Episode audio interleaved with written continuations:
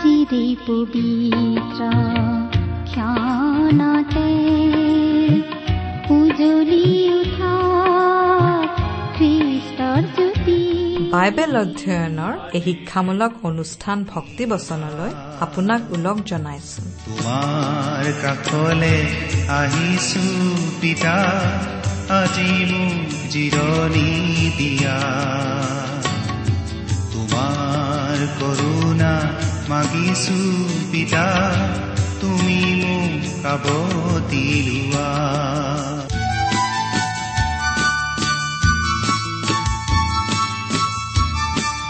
জীৱন বাটত ইমান নিৰাশা মাথো দুখেৰে ভৰা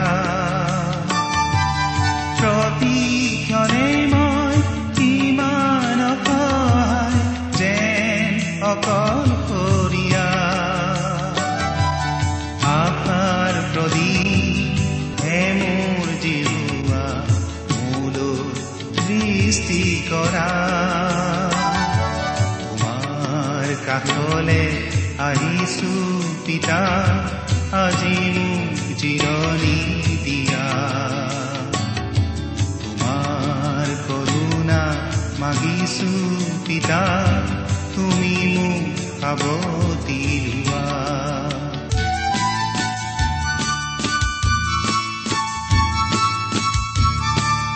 মোৰে জীৱন আজি সপিলো। তোমাৰে কাষ প্ৰতিশ্ৰুতি মোৰ তোমাৰ চৰণ চলিম তোমাৰে পথ মাথো আজি তোমাৰ প্ৰেমেৰে জীৱন পূৰ্ণ কৰা মাথো আজি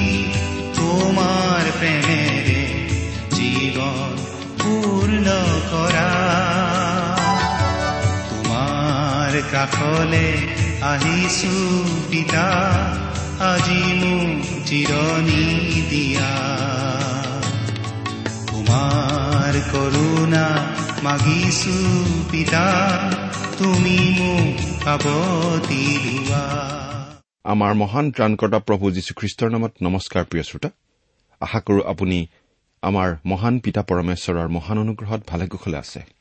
লগতে এই বুলিও আশা কৰিছো যে আপুনি আমাৰ এই ভক্তিবচন অনুষ্ঠানটো নিয়মিতভাৱে শুনি আছে।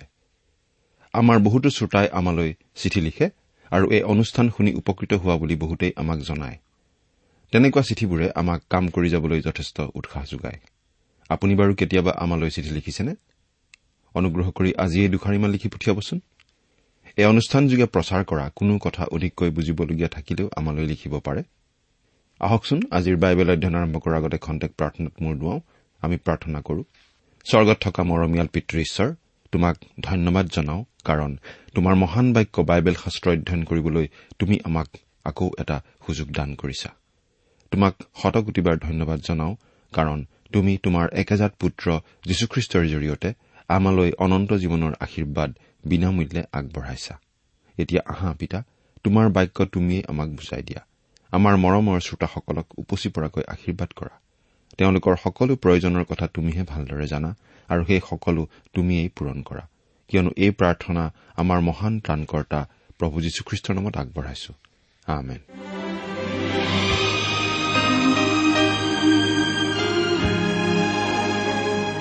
প্ৰিয় শ্ৰোতা আপুনি আমাৰ এই ভক্তিপোচন অনুষ্ঠানটো বাৰু নিয়মিতভাৱে শুনি আছেনে? আমি বাৰু আমাৰ যোৱা অনুষ্ঠানত কি আলোচনা কৰিছিলো আপোনাৰ মনত আছেনে? যদিহে আপুনি আমাৰ যোৱা অনুষ্ঠানটো শুনিছিল তেতিয়াহ'লে আপুনি এই কথা নিশ্চয় জানে যে আমি যোৱা অনুষ্ঠানত বাইবেলৰ এখন পুস্তকৰ অধ্যয়নৰ সামৰণি মাৰিছিলো। গতিকে আজিৰ অনুষ্ঠানত আমি অধ্যয়নৰ বাবে বাইবেলৰ আন এখন পুস্তক হাতত ল'ব খুজিছো। আজি আমি অধ্যয়ন কৰিবলৈ হাতত লৈছো। তিমঠিয়ৰ প্ৰতি প্ৰথম পত্ৰ নামৰ পুস্তকখন। আমি চমুকৈ কম প্ৰথম তিমঠিয় বুলি। বাইবেলৰ নতুন নিয়ম খণ্ডত আমি এই পুস্তকখন পাওঁ। প্ৰিয় শ্ৰোতা তিমঠিয়ৰ প্ৰতি প্ৰথম পত্ৰখনৰ লগতে তিমঠিয়ৰ প্ৰতি দ্বিতীয় পত্ৰ আৰু তীতৰ প্ৰতি পত্ৰ এইকেইখন পৌলে লিখাই পত্ৰ। এই পত্ৰকেইখনত এটি নতুন বিষয়বস্তু দাঙি ধৰা হৈছে যিটো খ্ৰীষ্টীয় মণ্ডলীৰ স্থানীয় পালকসকলৰ বাবে বৰ দৰকাৰী। এইকাৰণে এই তিনিখন পত্ৰক পালকৰ পত্ৰ বুলিও কোৱা হৈছে। ইফিচিয়া পত্ৰত মণ্ডলী মানে খ্ৰীষ্টৰ শৰীৰৰ লগত সংযুক্ত হৈ থকা খ্ৰীষ্টীয় বিশ্বাসী লোকসকলক বুজোৱা হৈছে। কিন্তু ইয়াত মণ্ডলী মানে খ্ৰীষ্টীয় বিশ্বাসী লোকসমূহৰ গোটক বুজোৱা হৈছে অৰ্থাৎ স্থানীয় মণ্ডলীক বুজোৱা হৈছে। পাচনি পৌলে পালক সম্বন্ধীয় দুখন পত্ৰ তিমঠিয়লৈ আৰু এখন পত্ৰ তীতলৈ লিখিছিল। পৌলৰ যোগেদি তিমঠিয় আৰু তীত খ্ৰীষ্টলৈ আহিছিল আৰু খ্ৰীষ্টৰ পৰিচৰ্যাত পৌলক বিশেষভাৱে সহায় কৰিছিল। কিন্তু এৰা এৰি হোৱাৰ পাছত মণ্ডলী পৰিচালনাৰ বাবে তেওঁলোকলৈ পৌলে পত্ৰবোৰ লিখিছিল আৰু তাত প্ৰভু যীশুখ্ৰীষ্টৰ মণ্ডলীৰ প্ৰয়োজনীয়তাৰ বিষয়ে উল্লেখ কৰিছিল। যি কি নহওক এই পত্ৰ তিনিখনত পৌলে দুটা কথাত বিশেষভাৱে গুৰুত্ব আৰোপ কৰিছে। তাৰে এটা হ'ল খ্ৰীষ্টীয় মণ্ডলীৰ বিশ্বাস। আৰু আনটো হ'ল খ্ৰীষ্টীয় মণ্ডলীৰ আচৰণ। তাৰমানে মণ্ডলীৰ ভিতৰত শুদ্ধ উপাসনা আৰু বাহিৰত ভাল কামৰ দ্বাৰা মণ্ডলীক প্ৰকাশ কৰিব লাগিব। মণ্ডলীৰ বিশ্বাস আৰু আচৰণ।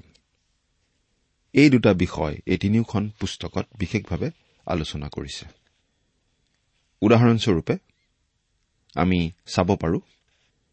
এই প্ৰথম তিমঠীয় পুস্তকত এক নম্বৰ অধ্যায়টো বিশ্বাসৰ ওপৰত মণ্ডলীৰ বিশ্বাস তত্বৰ কথা। দ্বিতীয় অধ্যায়ত মণ্ডলীৰ অনুশাসন নিয়মানুবৰ্তিতা আদি আমি পাওঁ। তৃতীয় অধ্যায়ত আমি পাওঁ মণ্ডলীৰ বিষয়ববীয়াসকলৰ কথা। চতুৰ্থ অধ্যায়ত ভৱিষ্যতে আহিবলগীয়া বিশ্বাসহীনতাৰ কথা আমি পঢ়িবলৈ পাওঁ। পঞ্চম আৰু ষষ্ঠ অধ্যায়ত মণ্ডলীৰ চলাওঁতাসকলৰ দায়িত্বৰ কথা কোৱা হৈছে।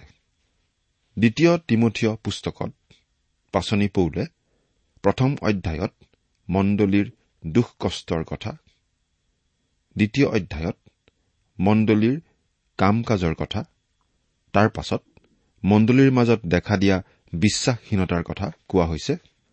আৰু মণ্ডলীৰ দায়বদ্ধতাৰ কথা কোৱা হৈছে ক্ৰমে তিনি আৰু চাৰি নম্বৰ অধ্যায়ত। তীতৰ পত্ৰখনতো মূল বিষয় একেটাই। প্ৰথম অধ্যায়ত কোৱা হৈছে মণ্ডলীৰ শৃংখলাৰ কথা। দ্বিতীয় অধ্যায়ত মণ্ডলীৰ বিশ্বাসৰ তত্বৰ কথা। আৰু তৃতীয় অধ্যায়ত মণ্ডলীৰ সৎকৰ্মৰ বিষয়ে কোৱা হৈছে। গতিকে মণ্ডলীৰ ভিতৰত আছে বিশ্বাস আৰু বাহিৰত থাকে আচৰণ।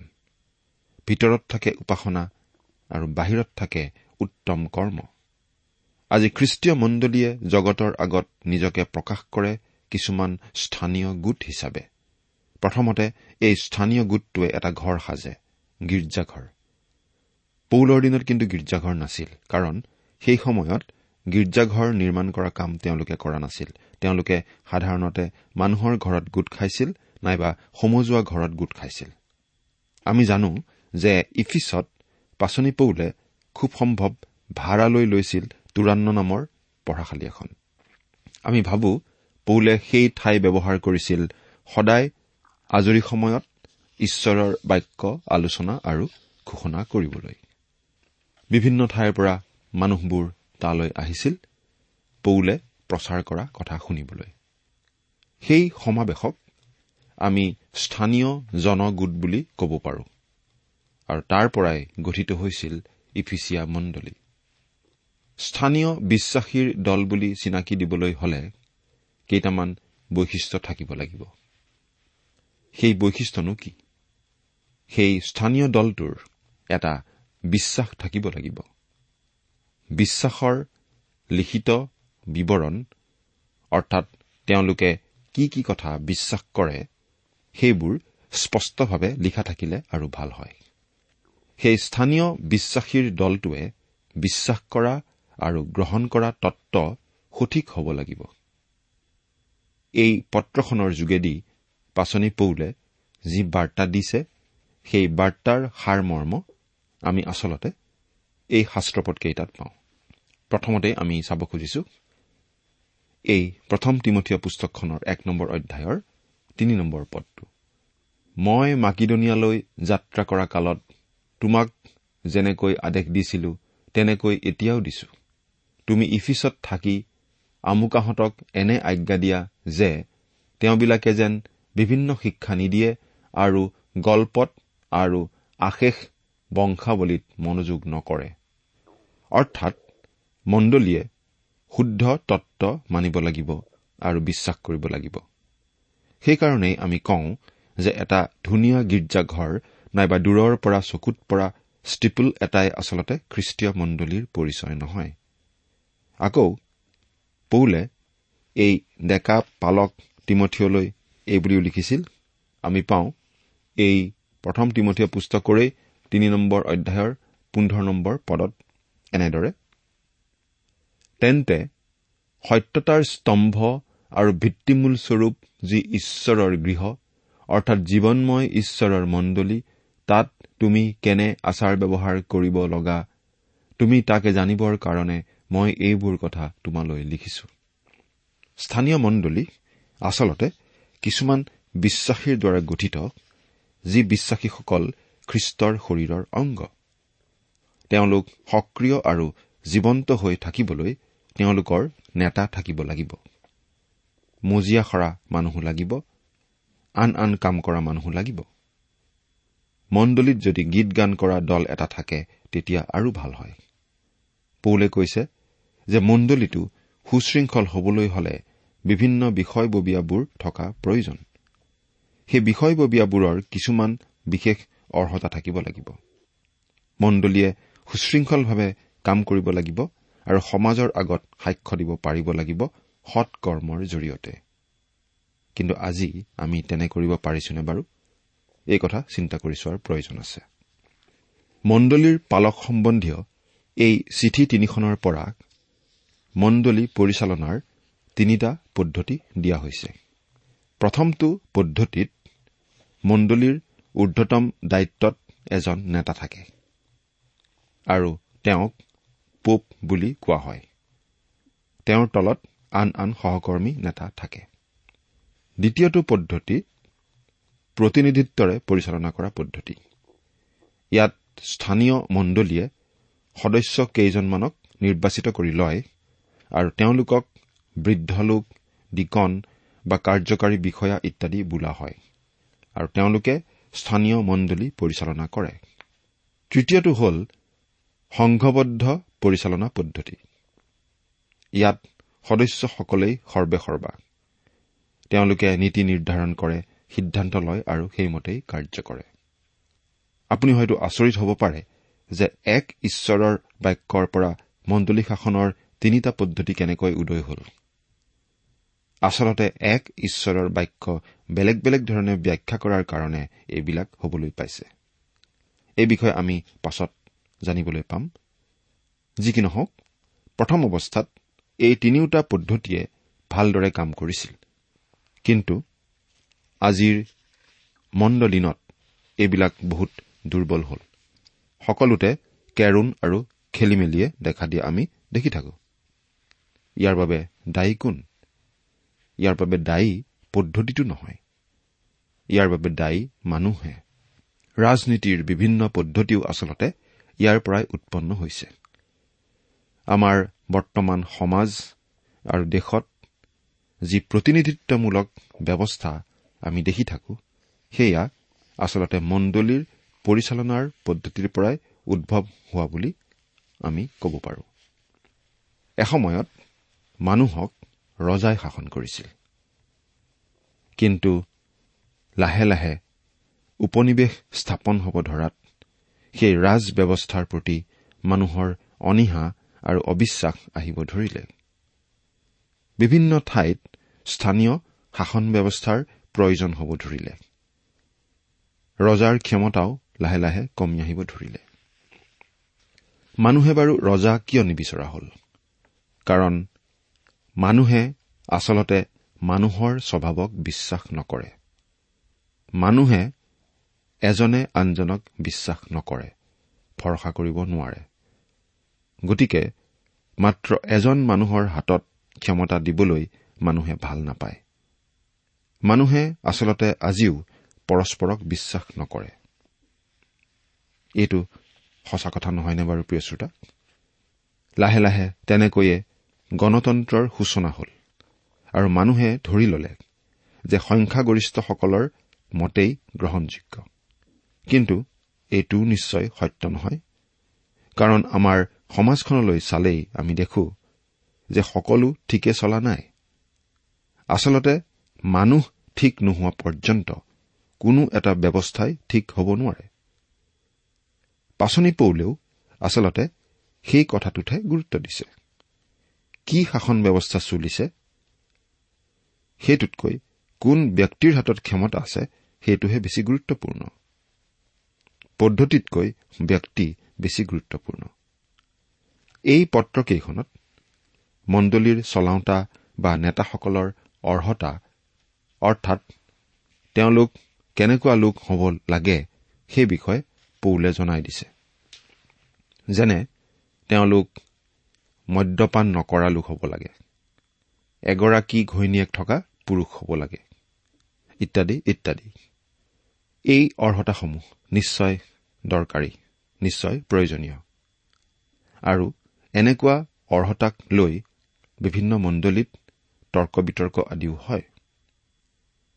কিন্তু মণ্ডলীৰ পৰিচালনা কৰা লোকসকলৰ কিছুমান অৰ্হতা সম্বন্ধে কোনো ডিমত থাকিব নোৱাৰে। আৰু তেনেকুৱা কিছুমান অৰ্হতাৰ বিষয়ে তৰ্ক বিতৰ্ক হোৱা আমি কতো দেখা নাই আমি শুনাও নাই। সেই অৰ্হতাবোৰ বাৰু কি? সেই অৰ্হতাকেইটা হৈছে আচলতে মূল অৰ্হতা। আচলতে পাচনি পৌলে আমাক এই কথা জনাই দিছে আৰু জনাই আছে যে মণ্ডলীৰ চলাওঁতাসকল আম্মিক লোক হ'ব লাগিব। কাৰণ চলাওঁতাজন সঠিক পথত নাথাকিলে কোনো অনুষ্ঠান সঠিক পথত চলিব নোৱাৰে। যদি চলাওঁতাসকল ভুল পথত থাকে মণ্ডলী পৰিচালনাৰ কোনোটো পদ্ধতিয়েই ঠিকমতে নচলিব। অৰ্থাৎ চলাওঁতাসকলৰ এনেকুৱা কিছুমান মূল অৰ্হতা থকা উচিত যি বিষয়ে আচলতে কোনো তৰ্ক বিতৰ্কৰ স্থল নাই। সেইবোৰ হৈছে চলাওঁতাসকলৰ থাকিবলগীয়া আম্মিক অৰ্হতা। প্ৰিয় শ্ৰোতাক আচল সমস্যাটো আচলতে সেইটোৱেই। আজি আমাৰ সমাজ আমাৰ দেশখন পৰিচালনা কৰাৰ ক্ষেত্ৰতো এইটোৱেই হৈছে আচল সমস্যা। আৰু খ্ৰীষ্টীয় মণ্ডলীটো আচলতে এইটোৱেই আচল সমস্যা। আমি এনে এজন মানুহকহে আমাৰ নেতা হিচাপে বাছি ল'ব লাগে যিজনে নিজৰ কামত সফলতাৰ পৰিচয় দিছে আৰু যিজনৰ নেতৃত্ব দিব পৰা বিশেষ গুণ আছে। সেইবোৰ নিশ্চয় আদৰণীয় গুণ। তেনেকুৱা সফল নেতা নিশ্চয় আমাক লাগে। কিন্তু সকলোতকৈ প্ৰয়োজনীয় অৰ্হতাটো কি জানেনে প্ৰিয় শ্ৰোতা? সকলোতকৈ প্ৰয়োজনীয় অৰ্হতাটো হৈছে সেই নেতৃত্ব দিবলৈ অহা মানুহজন আম্মিক মানুহ হ'ব লাগিব। তেওঁৰ বিশেষ আম্মিক অৰ্হতা থাকিব লাগিব। পাচনি পৌলে খ্ৰীষ্টীয় মণ্ডলীৰ নেতা অৰ্থাৎ আম্মিক নেতাৰ দুটা বিষয়ৰ ওপৰত বিশেষভাৱে গুৰুত্ব দিয়া আমি এই পত্ৰখনত দেখিবলৈ পাম। আমি ইয়াত চমুকৈ সেই বিশেষ গুণ দুটাৰ কথা আলোচনা কৰিব খুজিছো। প্ৰথমটো হৈছে মণ্ডলীৰ নেতা হবলৈ অহা লোকজনৰ বিশ্বাস থাকিব লাগিব। তেওঁৰ খ্ৰীষ্টীয় বিশ্বাস স্পষ্ট বিশ্বাস থাকিব লাগিব। ঈশ্বৰৰ ওপৰত বিশ্বাস ঈশ্বৰৰ বাক্যৰ ওপৰত বিশ্বাস থাকিব লাগিব। তেওঁ বিশ্বাসত দৃঢ় হ'ব লাগিব। দ্বিতীয়তে তেওঁ প্ৰেমৰ দ্বাৰা পৰিচালিত হ'ব লাগিব। এই দুটা বিষয় যদি নেতাজনৰ ক্ষেত্ৰত নাথাকে তেনেহলে তেওঁৰ আন যিমানেই অৰ্হতা নাথাকক কিয় তেওঁ মণ্ডলীত আচলতে কাম কৰিব নোৱাৰে। ইয়াৰ অৰ্থ আচলতে কি জানেনে প্ৰিয় শ্ৰোতা নেতাজনৰ কৰ্তৃত্ব বা ক্ষমতা আচলতে এইয়ে যে তেওঁৰ একো কৰ্তৃত্ব বা ক্ষমতা নাই। পাচনি পৌলে কৈছে যে যদি আপুনি মণ্ডলীৰ এজন বৃদ্ধ বা বিচপ বা ডিকন তেতিয়াহ'লে আপুনি গৰ্বী অনুভৱ কৰিব পাৰে।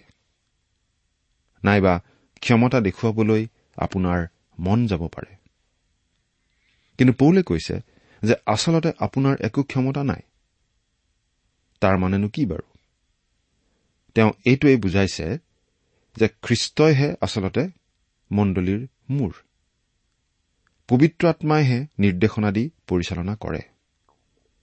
গতিকে নেতাজনে কোনো ক্ষেত্ৰতেই নিজৰ মত জোৰকৈ জাপি দিব নালাগে।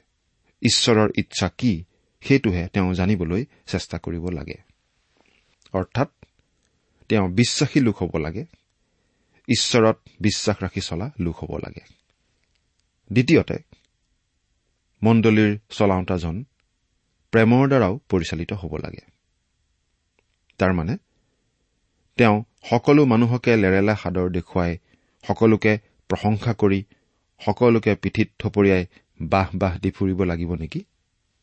সকলো মানুহকেই সন্তুষ্ট কৰিবলৈ তেওঁ চেষ্টা কৰিব লাগিব নেকি? নাই। নহয়। তাৰমানে তেওঁ খ্ৰীষ্টৰ ইচ্ছা মণ্ডলীত পালন কৰিব লাগিব। খ্ৰীষ্টকেই মণ্ডলীৰ মূৰ হিচাপে ৰাখিবলৈ তেওঁ সদায় যত্ন কৰিব লাগিব।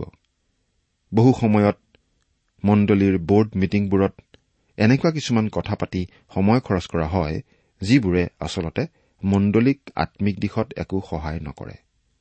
বহু সময়ত নিজকে অতি ধাৰ্মিক বা আম্মিক লোক বুলি ভাবি থকা কিছুমান গৰ্বী আৰু স্বধাৰ্মিক নেতাৰ বাবে বৰ্ডৰ মিটিংবোৰত অযথা সময় খৰচ হয়। এনেকুৱা মানুহে আচলতে খ্ৰীষ্টৰ ইচ্ছা মণ্ডলীত কেনেদৰে ৰূপায়িত কৰিব লাগে সেই কথা নাজানে আৰু জানিবলৈ চেষ্টাও নকৰে। জনাৰ ইচ্ছাও নাই। তেনে মানুহে নিজৰ মতকেই সাব্যস্ত কৰিব বিচাৰে কাৰণ নিজৰ মতকেই তেওঁলোকে শুদ্ধ বুলি ভাবি থাকে। প্ৰিয় শ্ৰোতা আমি মনত ৰখা উচিত যে প্ৰভু যীশুখ্ৰীষ্টই আমাৰ মণ্ডলীৰ মূৰ। প্ৰথম পদটোতে আমি সেই কথা দেখা পাওঁ। কাৰণ পৌলে কৈছে প্ৰভু যীশুখ্ৰীষ্ট বুলি। এৰা তেওঁৱেই প্ৰভু। তেওঁৱেই প্ৰভু। অৰ্থাৎ প্ৰভু যীশুখ্ৰীষ্টই সকলো বিষয়ত এক নম্বৰত থাকিব লাগিব। প্ৰথম স্থান সকলো বিষয়ত তেওঁৱেই পাব লাগিব। তেওঁহে প্ৰকৃত চলাওঁতা তেওঁহে প্ৰকৃত নেতা হ'ব লাগিব। এইখিনিতে আমি প্ৰভু যীশুৱে কোৱা এষাৰ কথা চাব খুজিছো। প্ৰভু যীশুৱে এনেদৰে কৈছিল লোকে লিখা শুভবাৰ্তা ছয় নম্বৰ অধ্যায়ৰ ছয়চল্লিছ নম্বৰ পদত। আৰু মই যি কওঁ তাক পালন নকৰি মোক কিয় প্ৰভু প্ৰভু বুলি মাতা? এয়া অতি স্পষ্টভাৱে প্ৰভু যীশুৱে কৈছে যে তেওঁক যদি আমি প্ৰভু বুলি মাতো তেনেহলে তেওঁ যি কয় তাক আমি পালন কৰিব লাগিব। আজি আমাৰ মণ্ডলীসমূহত বহুতো লোকে তেওঁক প্ৰভু বুলি কয় কিন্তু তেওঁৰ ইচ্ছা পালন নকৰে। মণ্ডলীৰ নেতা হোৱা মানে আপুনি যীশুৰ ইচ্ছা তেওঁৰ আজ্ঞা তেওঁৰ আশা আকাংক্ষা মণ্ডলীৰ যোগেদি ৰূপায়িত কৰিবলৈ বিচাৰিব লাগিব। তেওঁৱেই মণ্ডলীৰ মূৰ। আজি সেইটোৱেই আমাৰ বাবে প্ৰয়োজনীয় কথা নহয়নে বাৰু?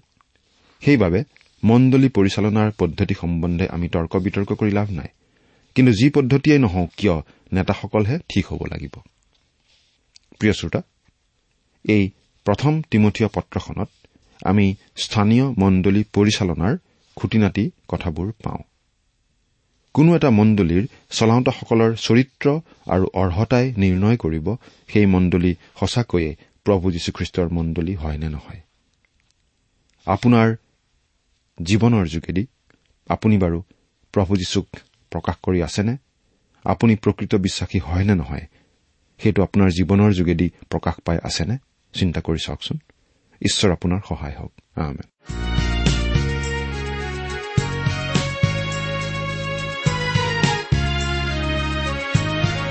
প্ৰিয় শ্ৰোতা ইমান পৰে আপুনি বাইবেল শাস্ত্ৰৰ পৰা ঈশ্বৰৰ বাক্য শুনিলে। এই বিষয়ে আপোনাৰ মতামত জানিবলৈ পালে আমি নথৈ আনন্দিত হ'ম। আমি প্ৰস্তুত কৰা বাইবেল অধ্যয়নৰ চিডিসমূহ পাব বিচাৰিলে আৰু অনুষ্ঠানত প্ৰচাৰ কৰা কোনো কথা বুজিব লগা থাকিলেও আমালৈ লিখক। আমাৰ যোগাযোগৰ ঠিকনা ভক্তিবচন ট্ৰান্সৱৰ্ল্ড ৰেডিঅ' ইণ্ডিয়া ডাক বাকচ নম্বৰ সাত শূন্য গুৱাহাটী সাত আঠ এক শূন্য শূন্য এক। ঠিকনাটো আকৌ এবাৰ কৈছো ভক্তিবচন ট্ৰান্সৱৰ্ল্ড ৰেডিঅ' ইণ্ডিয়া ডাক বাকচ নম্বৰ সাত শূন্য গুৱাহাটী সাত আঠ এক শূন্য শূন্য এক। আমাৰ ইমেইল এড্ৰেছটো হৈছে Assamese T TV at the rate radio' eight eight two dot com. আমাৰ website W W W dot T W R dot in. আপুনি টেলিফোনৰ মাধ্যমেৰেও আমাক যোগাযোগ কৰিব পাৰে। আমাৰ টেলিফোন নম্বৰটো হৈছে nine eight five four zero' four zero' eight eight nine. Phone নম্বৰটো আকৌ এবাৰ কৈছো ন আঠ পাঁচ চাৰি শূন্য চাৰি শূন্য আঠ আঠ ন। আপুনি এই ভক্তিবচন অনুষ্ঠানটি আমাৰ website W W W dot radio' eight eight two dot কমতো শুনিব পাৰিব। আজিৰ অনুষ্ঠানটি ইমানতেই সামৰিছো। ঈশ্বৰৰ শান্তি আৰু অনুগ্ৰহ আপোনাৰ লগত থাকক। ধন্যবাদ।